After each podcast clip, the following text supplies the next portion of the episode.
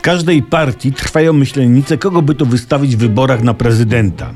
Ale ja mówię tak, no przecież mamy już prezydenta, przyzwyczailiśmy się do niego, prawda? Mężczyzna ma wyrobiony podpis, jest znakomitym źródłem memów, ma nie jeden garnitur, krawat i tak dalej.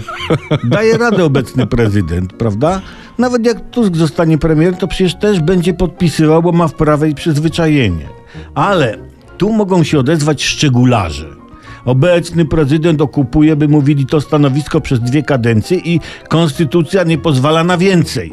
Z tym, że, no słuchajcie, konstytucja nie ściana, da się posunąć, prawda?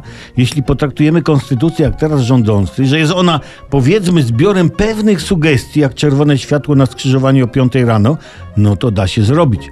Bo widzicie, PiS kombinuje, żeby kandydatką w wyborach prezydenckich była pani Szydło.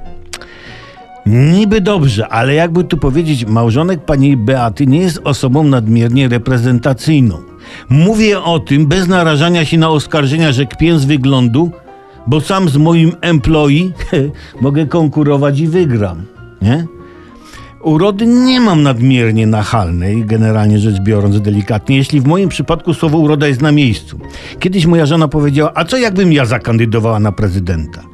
No, no ja byłbym wtedy małżonkiem pani prezydent, czyli tak zwanym pierwszym dżentelmenem. I ja musiałbym pełnić funkcje reprezentacyjne. No i żona popatrzyła na mnie i mówi, e nie, nie, nie chce mi, się. Widzicie, gdyby nie moja, nazwijmy to roboczo uroda, mielibyście taką fajną panią prezydent. No a, ale gdybym ja kandydował, a to inna sprawa.